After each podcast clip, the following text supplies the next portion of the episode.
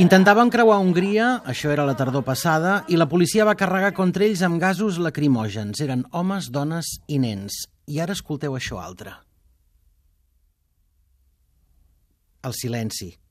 És aquell mirar cap a l'altra banda, el so de la indiferència. Francesc de Dalmases, bona tarda. Molt bona tarda, Adrià, com estàs? Doncs no sé si dir-te que bé. Mm, Aquella indiferència que fa mal, eh?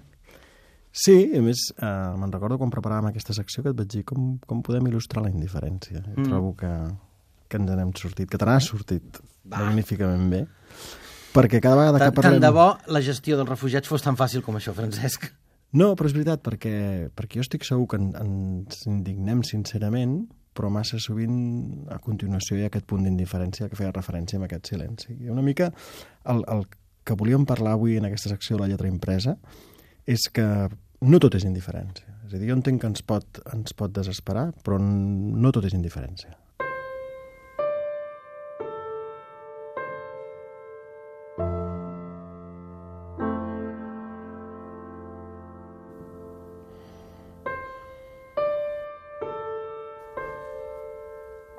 Gestos i predisposició, la gent decidida a ajudar, les nostres institucions posicionades, això ja ho hem vist, però també hem vist bloqueig, hem vist pals a les rodes des de l'Estat i des de diversos països d'Europa per poder-ho fer. I ja tenim a les mans el nou número de la revista ONGC, que dirigeix en Francesc, i que inclou aquesta vegada un article que tu avui vols destacar.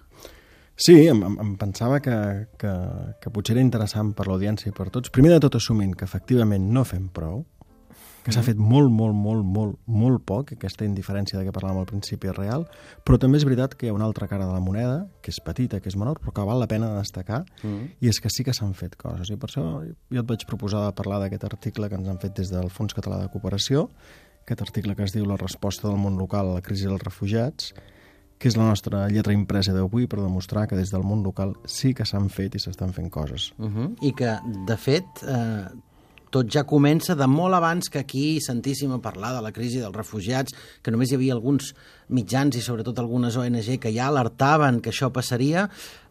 Abans de l'estiu de l'any passat, el Fons Català ja s'hi va posar i ja va fer alguns, alguns va enviar alguns missatges i va fer algunes reunions.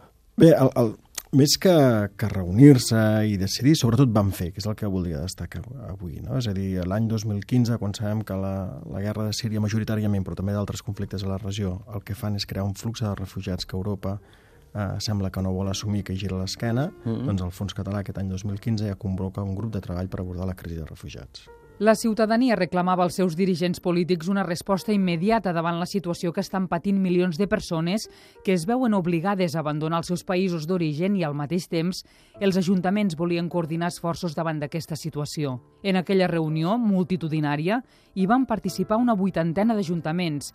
Es va posar damunt la taula la inquietud del món local i les entitats municipalistes per la situació dels refugiats i es va acordar posar-se a treballar immediatament. D'aquests mesos de feina del fons m'ha agradat molt l'efectivitat i la clarividència en la seva actuació humanitària. No? És a dir, va, va decidir que, que, que calia començar una campanya que se devia fer a nivell pràctic, però també a nivell polític, i per això impulsa aquest manifest que a hores d'ara ja té 290 ajuntaments, hi ha supramunicipals que s'hi han, que s'hi han adherit, uh -huh. i m'agrada molt perquè en molt poques setmanes el fons va aconseguir 600.000 euros, eh, que 100 ajuntaments eh, fessin possible aquesta, aquesta quantitat i que, per tant, eh, mobilitzés entitats de, de la nostra xarxa que treballaven aquí o que treballaven a destí i que podien fer possible aquesta campanya. Uh -huh.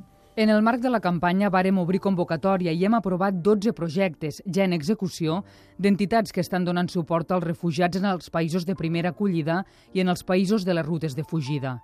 També hem obert convocatòria per a projectes d'educació per al desenvolupament. Els municipis estan tenint i tindran un rol crucial en la gestió d'aquesta crisi, ja que són l'espai de govern més proper a la ciutadania. Tenen un rol fonamental en el procés d'inclusió de les persones nouvingudes, poden fer pressió i denúncia davant la passivitat i la manca de voluntat política d'altres nivells de govern i poden articular vies per a la participació de la ciutadania de manera organitzada i coordinada.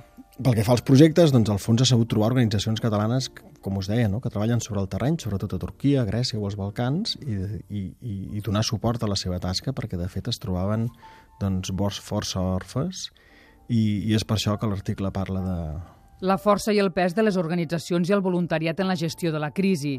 Les entitats i les persones voluntàries són actors crucials en la resposta humanitària i juguen un doble rol dins dels camps. D'una banda, fan el proveïment d'ajut humanitari bàsic, atenció sociosanitària, medicaments, aliments, roba i altres articles de primera necessitat com les tendes i les flaçades, i de l'altra, ofereixen protecció a través de l'observació de vulneracions de drets humans dins els camps de trànsit i de registre.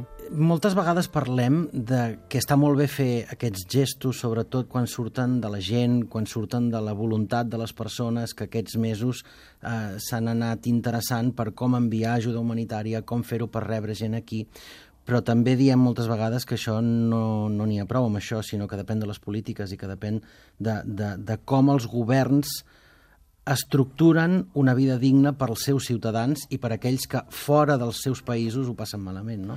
No, efectivament. És a dir, la... sabem que l'acció humanitària sempre és un pedaç i que la solució al conflicte... Ah, ho has dit pedaç, eh? O és un pedaç, l'acció humanitària? L'acció humanitària és exactament un pedaç, és el resultat de la nostra ineficàcia. Quan arribem a, a fer necessària una acció humanitària vol dir que hem fet tard i que ho hem fet malament. Sí. I que l'hem de fer i l'hem de fer molt ben fet, aquest projecte humanitari, però que sempre hem de pensar que la solució és política.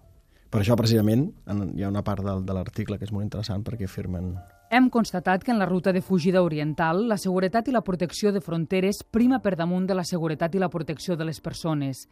Les institucions estatals dels països de les rutes de fugida, tret de la policia i l'exèrcit, estan pràcticament absents en el procés de gestió de la crisi i la resposta a les necessitats humanitàries de la població en trànsit i, en alguns casos, dificulten que les entitats puguin treballar dins dels camps.